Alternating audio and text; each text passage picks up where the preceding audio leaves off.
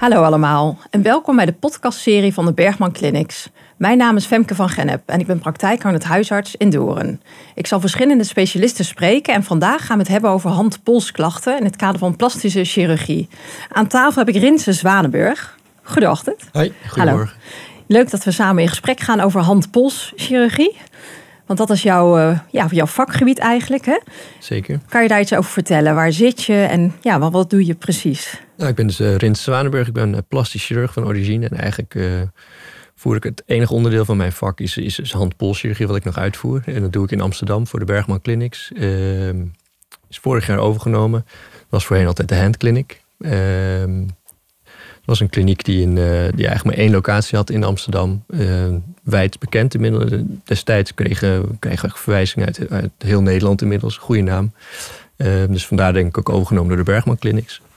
En daar werk ik al met veel plezier. Nu inmiddels uh, sinds 2018. Dus dat is nu ja, precies in juli, vijf jaar. Doe ik dat nu, ja. Nou, het is denk ik leuk om uh, nader op verschillende klachten in te gaan. Ook veel huisartsgeneeskundig ja, relevante onderwerpen. Want Zeker. op zich hebben we denk ik heel veel overlap ook wel qua werkzaamheden. Um, maar jullie gaan natuurlijk dan nog wat meer chirurgisch te werk uiteraard. Uh, laten we beginnen met uh, ja, een van de meest voorkomende klachten op dit gebied. En dat is bijvoorbeeld de Dupuytren. En de CTS komt natuurlijk heel veel voor. En de triggervinger. Hè? Dat zijn een beetje de drie hoofdgroepen, als ik het goed heb. Ja, denk het wel, ja. Um, zullen we beginnen met de Dupuytren-klachten? Ja, helemaal goed. Kan je daar iets over vertellen? Ja, zeker. Ja, uh, Dupuytren is een, een veel voorkomende klacht inderdaad bij, bij mensen. Uiteindelijk in de meest recente prevalentieonderzoeken zie je eigenlijk dat uh, bij de mensen 75 plus ongeveer de helft van de mensen in Nederland is aangedaan. Dat verandert nogal, want het is, uh, het, is wel een aandoening die voorkomt met name bij de mensen met een Caucasische achtergrond. En dat heeft met name te maken met het feit dat Dupuytren eigenlijk een genetische aandoening is. Dat betekent dus automatisch ook dat Dupuytren dus niet te genezen is. Maar Dupuytren, we zien alleen de, de vormen ervan die voorkomen. Um, wanneer bereiken ze dan de handchirurg? Dat is eigenlijk alleen als een Dupuytren een kromstand uh, weet te bewerkstelligen in de hand van de vingers. Met name. Um, en daar kunnen ze dus functioneel uh, beperkend zijn. Is dat dan zo dat de helft van de mensen uiteindelijk met kromme vingers eindigt? Nee, absoluut niet. De meest voorkomende vorm is eigenlijk de nodulaire vorm. Dus dat mensen een, een verharding in hun handpalm kunnen ervaren. Um, daar hebben mensen dus eigenlijk, is het pijnloos. Uh, het geeft geen functionele belemmeringen. Um, dus daarmee bereiken ze ook eigenlijk nooit de dokter. Sterker nog, ik denk dat het merendeel van de mensen niet eens weet dat ze op dat moment Dupuytren bij zich dragen. En denken dat het een, een eeltknobbel of iets anders is van hun hand. Uh, maar goed, als je dus op straat, uh, zo is dat onderzoek ook uitgevoerd, gaat kijken van hebben mensen iets in hun handen, dan blijkt toch dat heel veel mensen het eigenlijk wel bij zich dragen. Ja. En wat kunnen wij als huisartsen doen? Hè? Nou, uiteraard bij een kromstand, hè, een functiebeperking, dan verwijzen we door naar jullie. Ja. Kunnen we nog iets met corticosteroïden of is daar nog, of met handmassage? Ik weet niet of een handfysiotherapeut daar nog iets kan doen of is daar geen meerwaarde? Ja, nou, er zijn veel onderzoeken naar gedaan. Uh, corticosteroïden uh, is op de Dupuytren zelf niet een uh, directe indicatie om, om ervoor te geven. Uh, wat je wel ziet is dat in, ik zei net dat Dupuytren eigenlijk altijd pijnloos is. Ehm, dat is het, moet het eigenlijk ook zijn, maar in sommige gevallen geeft het toch pijnklachten. En we weten natuurlijk allemaal dat we bij corticosteroïdinjecties op basis, en, bij, vooral bij pijnklachten, wel een reducerend effect kunnen hebben daarop. Dus Dupuytren met pijn kan een corticosteroïdinjectie zeker effect hebben. Of het direct een invloed heeft op, op de progressie van de ziekte. Of dat je er meer klachten of minder klachten door krijgt. Dat is, uh, dat is eigenlijk niet aangetoond. Terugkomend op de uh, handtherapie. Er zijn absoluut mensen, ik heb genoeg patiënten die met een behoorlijke kromstand van de vinger komen. Die zeggen: Ik heb al twintig jaar last, dokter, maar ik ging er elke keer op mijn hand zitten. Waardoor ik nu pas na twintig jaar bij u terecht kom. En alle mensen om me heen die Dupuytren krijgen, die zitten binnen twee jaar bij de dokter. Dus dat helpt. Um, alhoewel dat allemaal niet is aangetoond. Dus spalk en dergelijke um, is, is niet aantoonbaar effectief in het voorkomen van een hinderlijke kromstand van de vingers. Kunnen patiënten zelf iets doen? Is, is er iets mogelijk om de progressie toch wat uh, ja, te doen verminderen?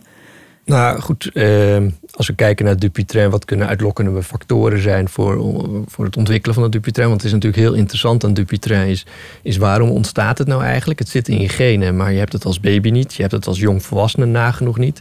Het ontstaat vooral bij de 55-plusser eigenlijk, zien we, het, zien we het vooral ineens toenemen. Uh, waarom dan ineens komt het tot expressie?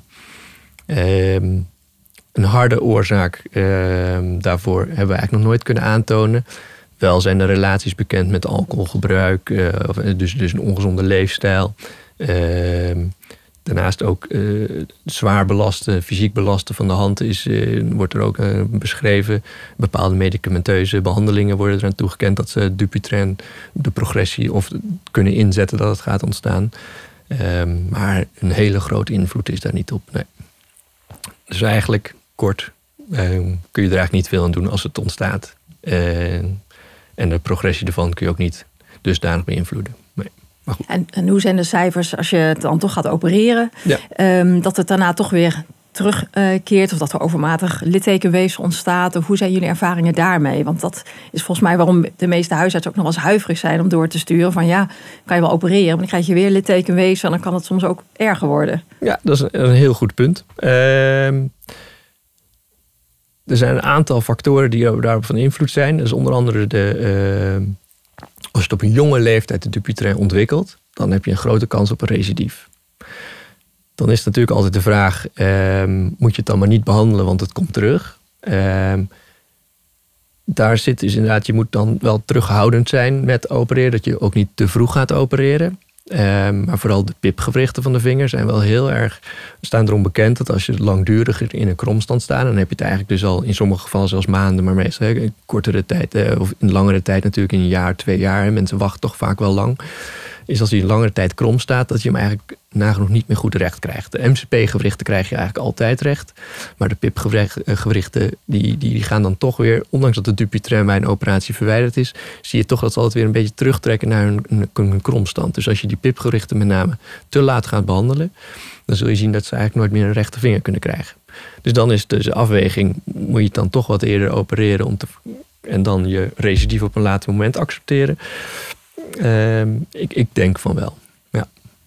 Oké, dus uh, bij pipgewrichten moet je dus eigenlijk wat eerder doorsturen dan als je palmaire uh, noduli hebt. Exact, ja, de noduli ja. aan zich hoef je sowieso niet te verwijderen. Strengvorming inderdaad en kromstand van je MCP kun je iets langer wachten.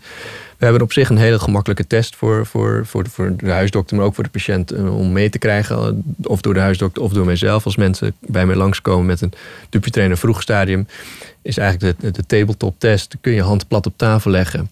Uh, dan hoef je in principe, is er geen indicatie voor een behandeling. Kun je hand niet meer plat op tafel krijgen en je kunt er een potlood of een pen onder doorschuiven.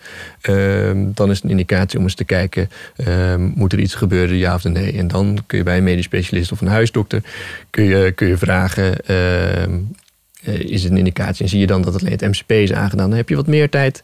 Zie je dat het PIP ook voornamelijk is aangedaan, ja, dan zou ik hem toch iets, ehm, iets, iets eerder insturen. Ja. Nou, goed om die criteria helder te hebben. Dat is toch wel, uh, denk ik, heel erg van belang. Ja. En de triggervinger, de andere categorie, dat vind ik ook heel regelmatig zien. Ja. Waar we ook nog regelmatig zelf, tenminste, ik doe dat zelf ook, uh, injecties geven. Ja. Met op zich eigenlijk een goed resultaat over het algemeen, is mijn ervaring. Zeker. Uh, ja, als het dan natuurlijk onvoldoende werkt of na een aantal keren en het doet te weinig, dan stuur ik natuurlijk toch door naar jullie voor het, ja, het klieven van de poelie. Hè? Dat is eigenlijk waar het, waar het over gaat. Ja. Uh, kan je daar wat over vertellen? Wat zijn je, jullie ervaringen daarbij? Nou, kijk, triggervinger komt inderdaad heel erg veel voor. Uh, injecties zijn een heel belangrijk onderdeel van, van de behandeling.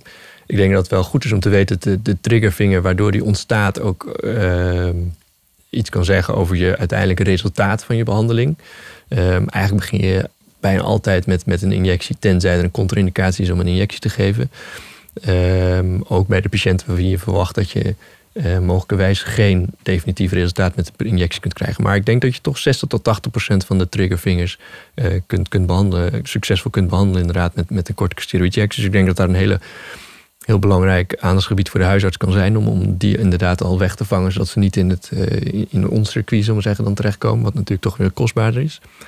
Um, het triggervinger komt vooral veel voor natuurlijk bij de Vrouwen zien we natuurlijk veel meer ehm, die in de overgang zijn geweest. Ehm, en Tunnel geldt het misschien nog iets meer, maar uh, ze zitten een beetje in hetzelfde straatje.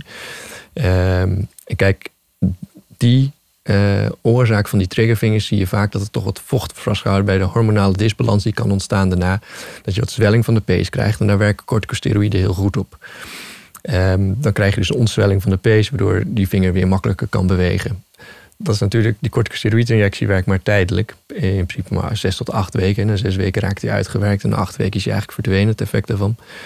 En dan denk ik dat het heel belangrijk is, en dat kunnen aanknopingspunten zijn voor huisarts ook, is de mate van uh, het herstel daarna. Blijft het dan weg voor een langere tijd, dan is het gewoon succesvol. En dan is het gewoon, als hij weer terugkomt, is het meer een incidenteel en kun je opnieuw beginnen met behandelen. Komt hij al heel snel weer terug voor, uh, met opnieuw triggering vaak is dan wel interessant, is dat ze dan niet meer triggeren, maar dat mensen dan pijnklachten krijgen en een meer vermoeide vinger krijgen, omdat hij niet goed, uh, goed beweegt. Hè. De, eerste keer dat een triggervinger, triggervinger voorkomt, dan hokt hij echt en klikt hij echt. De tweede keer zie je vaak na die injectie, als hij dan terugkomt, dat die harde klik er eigenlijk altijd wel wegblijft. Of altijd, vaak wegblijft. Uh, maar als dat heel snel is, ja, dan weet je dat een tweede injectie eigenlijk waarschijnlijk ook weer echt tijdelijk gaat zijn. En dan is het wel belangrijk om te weten dat een corticosteroïdinjectie ook zeker negatieve effecten kan hebben op, eh, op het menselijk lichaam. Vooral, uh, je moet niet te hoog doseren. Wij geven al 10 milligram per milliliter, zeker niet de 40 milligram per milliliter. Uh, want je kunt ook echt rupturen krijgen van pees en dergelijke. Eén injectie zie je dat eigenlijk nooit. Twee injecties ook niet. Helemaal niet als je ze niet te snel achter elkaar geeft. Maar vaker dan twee keer zou ik ze niet injecteren. Nee.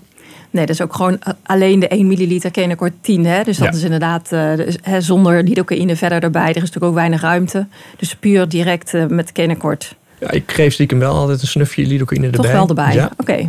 Okay. Um, dan is nog, ja, mensen vinden het toch wel prettig. Um, want een heel goed punt dat u aangeeft. Um, het is volume.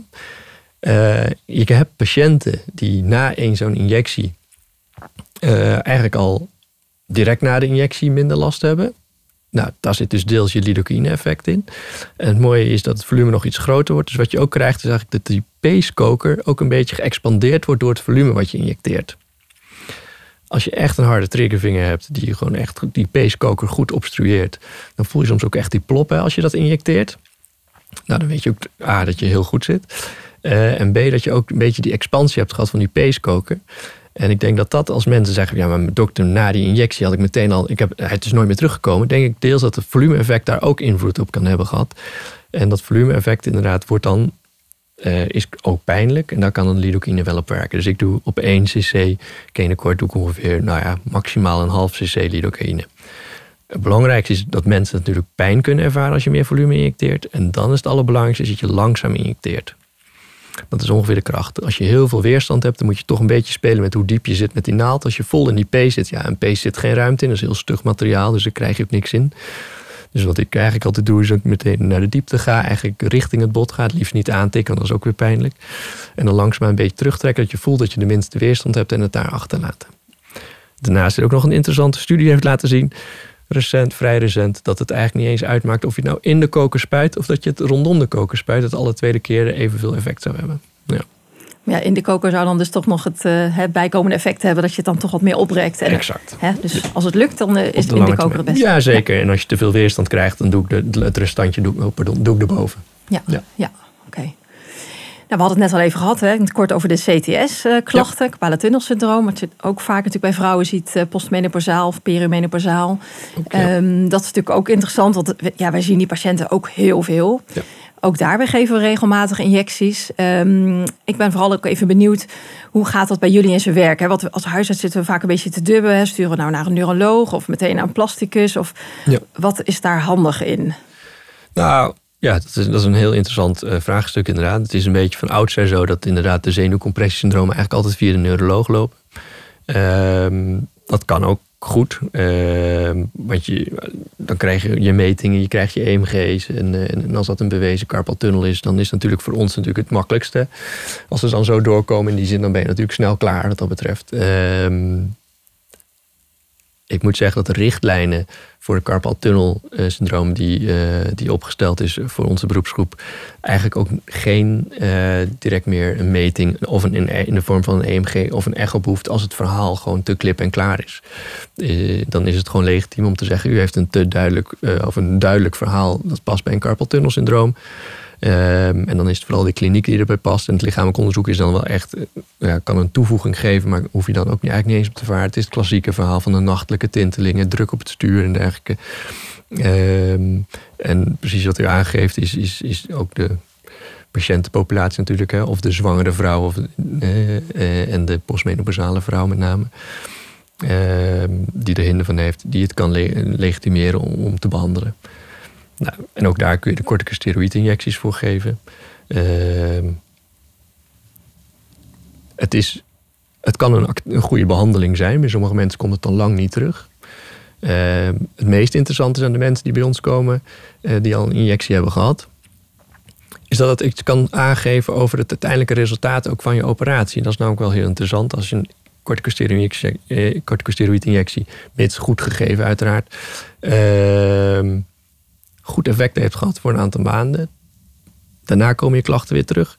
Is dat je dan eigenlijk min of meer ook mag verwachten dat het resultaat van de operatie goed zal zijn. En bij de mensen die een duidelijk carpal hebben, minder goed reageren op een injectie met corticosteroïden, dat dan je de verwachtingen ten aanzien van een operatie ook een beetje moet temperen. En de rol van echografie ben ik nog wel benieuwd naar. Ik doe zelf veel echo's in de praktijk. En uh, je zou natuurlijk kunnen voorstellen dat je geen EMG meer nodig hebt. Maar als je even de echokop erop zet en je ziet zwelling van de pees. Hè, want dat is vaak wat je toch, uh, dat er weinig ruimte is uh, in het kanaal. Ja. Dat dan ook de diagnose gesteld kan worden. En dat je allicht ook echo geleid een injectie kan geven. Zeker. Ja, nee, zeker. Echt geleid injecteren kan, kan zeker. Ik denk dat het altijd heel belangrijk is dat je, dat je goed blijft, blijft voelen. En dat je niet te gefocust bent op het beeld. Dat vind ik altijd lastig bij echo geleid injecteren. Um, maar um, een echo is eigenlijk sensitiever nog dan een EMG. Um, en het mooie is inderdaad als je een beetje bekwaam bent in het echograferen, dat je dat heel makkelijk ook zelf kunt, kunt uitvoeren.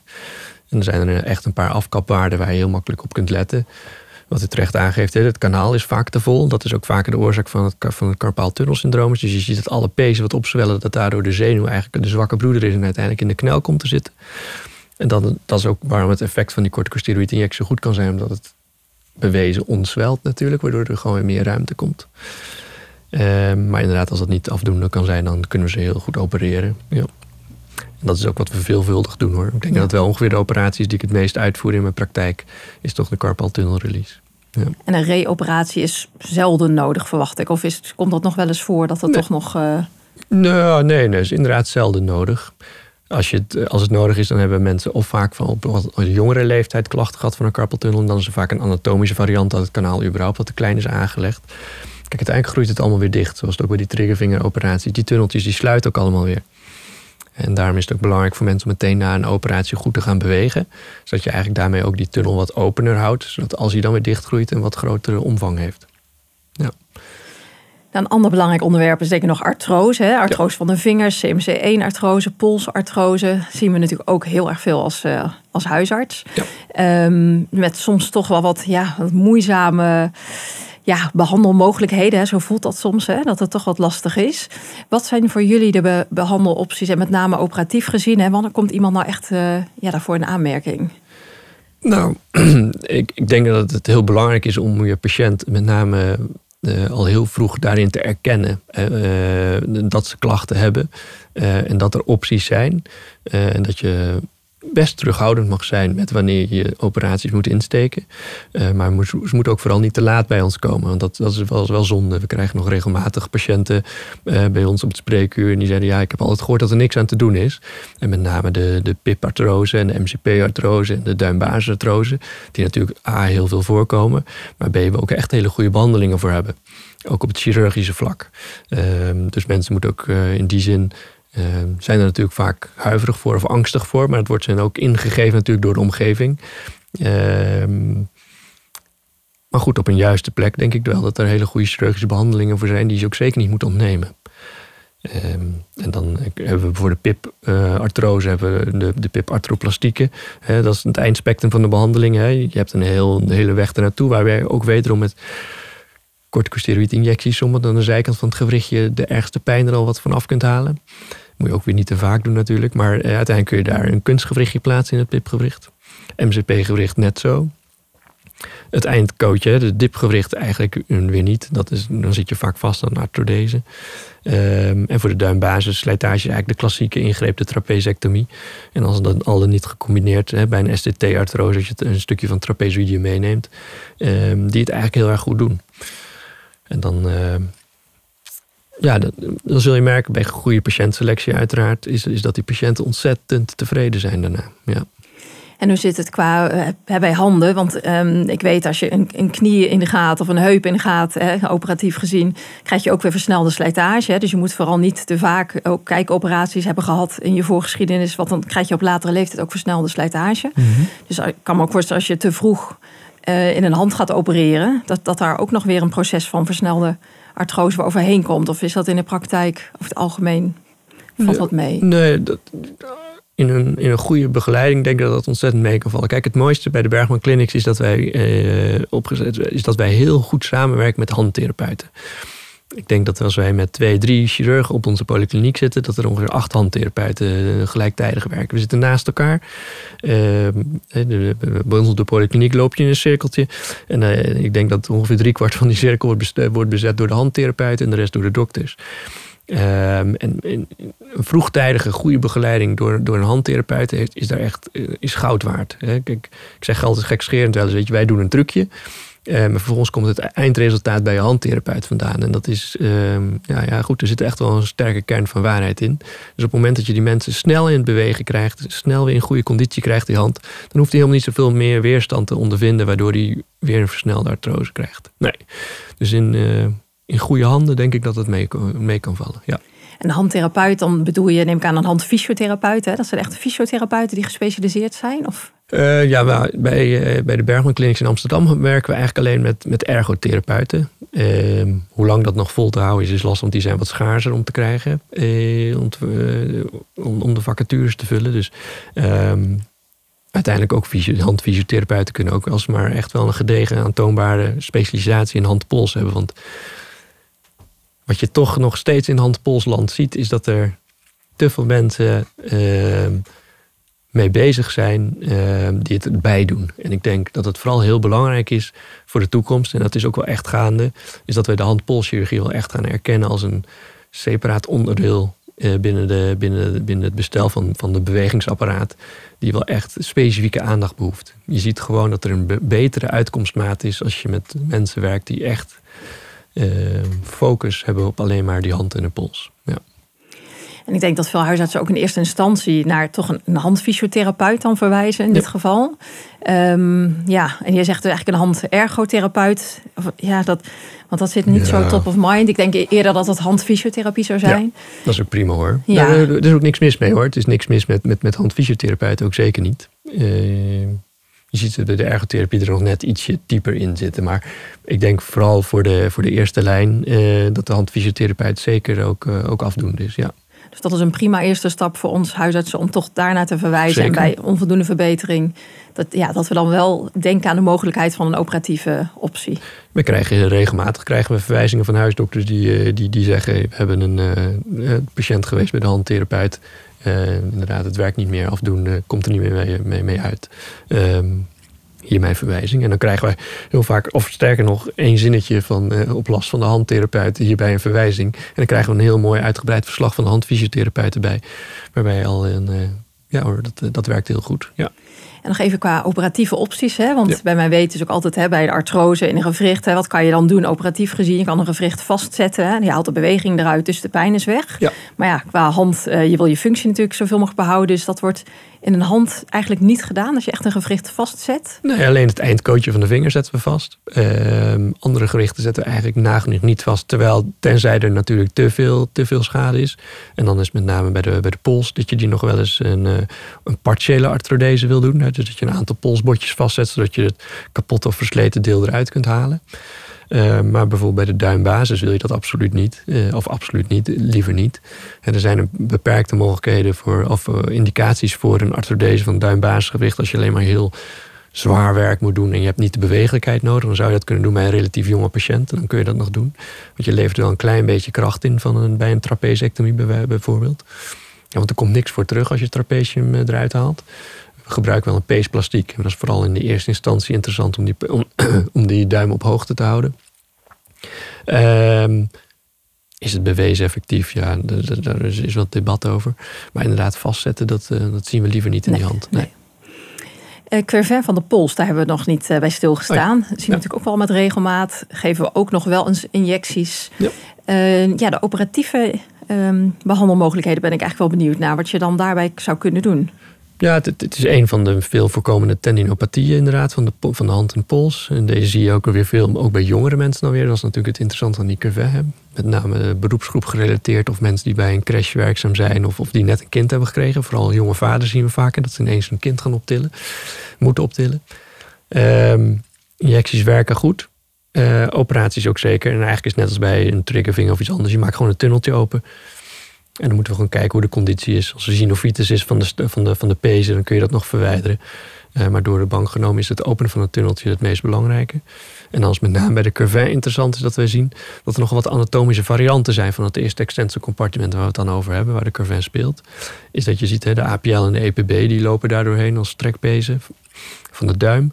Um, ik heb wel eens iemand geopereerd en had je gewoon 9 APL-pezen bijvoorbeeld. Hè? Dus dan, eh, dan denk je, oké, hoe zitten er zoveel pezen in zo'n tunnel? Het is ook niet gek dat hij dan overbelast raakt. En wat we nog wel zien is met name die EPB, dat hij nog wel eens zijn eigen tunneltje in de tunnel krijgt. En dat is natuurlijk, heeft ongetwijfeld een, eh, een reden. Het lichaam zal het niet voor niks doen. Alleen, pardon, als mensen dan uh, een curvain één keer hebben ontwikkeld, dan is vaak dat de oorzaak waarom hij na een injectie weer terugkomt, is dat ze dan meestal een extra compartiment hebben. En dan is vooral de chirurgie belangrijk dat je uh, eigenlijk de enige goede behandeling om dat extra compartimentje te verwijderen, zodat alle tweede pezen of dan meerdere varianten weer in één ruimere tunnel lopen. Ja. Duidelijk. Misschien tot slot nog leuk om even stil te staan bij trauma-gerelateerde klachten uh, en de operatieve mogelijkheden daarbij. Uh, want dat komt natuurlijk ja, heel veel voor, hè? handpols-gerelateerde klachten op het gebied van trauma, hè? dat er een trauma ontstaat. Ja. Kan je daar eens over zeggen? Hoe, hoe vaak zien jullie dat? En... Nou, dat, dat is vooral een, een toename in, in verwijzing op, op, op, op trauma zien wij. Ja, dat uh, de wachtlijsten in de ziekenhuizen soms uh, te lang uh, zijn. dat mensen daar terecht kunnen. Of dat ehm, mensen in eerste instantie met een trauma zijn binnengekomen wat niet erkend is. En mensen toch klachten houden. dat ze bij ons terechtkomen. Ehm, als huisartsen iets in waarvan ze denken dat dat moet bij, ons, moet bij ons en snel terecht, kunnen ze ook altijd daarvan contact opnemen. Dan kunnen wij eigenlijk door de bank genomen patiënten heel snel zien of dezelfde dag of, of, of de dag daarna. Handletsels behoeven meestal niet uh, alle minuut gezien te worden. Um, maar wat we vooral veel zien is, is de effecten van uh, nou, minder geslaagde behandeling op het moment dat ze toch bij een ziekenhuis zijn geweest in de vorm van of second opinions of third opinions. Uh, om toch te beoordelen, zijn er toch nog mogelijkheden uh, op dit vlak uh, om de functie te verbeteren. Want uiteindelijk draait in die hand en die pols alles om functie. Ja. Ja, en op traumagebied zie je ook nog wel eens de dystrofieklachten. Hè? Met name enkel en pols zijn volgens mij daar wel echt berucht om, ja. um, om dystrofieklachten te ontwikkelen. Ja. Doen jullie nog iets op dat gebied, ook operatietechnisch gezien? We zien ze heel veel inderdaad, de, de, de CRPS dan tegenwoordig, hè, de oude dystrofie inderdaad, zoals het omschreven wordt. Uh, interessant ziektebeeld vooral. En er zit ook zeker wel beweging in dat ziektebeeld. Uh, is dat wij toch in de laatste studies wijzen dat ook uit. En, en dat zo werkt het ook wel echt. is dat er een groot deel van de mensen die een CRPS of een dystrofie ontwikkelen, uh, ook last hebben van carpaaltunnelsyndroom klachten. En dan hebben ze meestal niet het typische eh, verhaal van een carpaaltunnelsyndroom, hè, zoals we hem kennen met de nachtelijke tinteling en dergelijke. Uh, maar het is toch een de, vooral de CPS, hè, de, je hebt die twee typeringen. En als je dan een neurogene vorm hebt, uh, die, die heeft ook, kent een sterke relatie met carpal tunnelsyndroom. En er zijn ook mensen die met een CRPS-beeld komen en als we een echo doen, uh, laten maken van die carpale tunnel. Uh, of soms zelfs met een negatieve echo, maar een hele toch min of meer typische klachten die wij er dan bij vinden passen, een carpal tunnel release doen, dat je toch ziet dat dat een heel positief effect kan hebben op de CRPS. Ja. Dus nee, dat is, een, uh, dat is ook zeker iets wat we moeten, wel moeten onderkennen. En, en absoluut uh, ook oog voor moeten hebben. Aangezien het voor veel patiënten erg invaliderend kan zijn om zo'n uh, episode van dystrofie of CRPS mee te maken. Ja, exact. En we zien het toch nog wel met enige regelmaat in de praktijk. Dus het is goed om daar alert op te zijn. Ja, zeker. Ja. Mag ik je hartelijk danken voor deze interessante podcast. Ik heb er veel van geleerd en ja, ik hoop voor de mensen thuis ook. Dus voor u heel erg dank voor je aandacht en graag tot de volgende keer.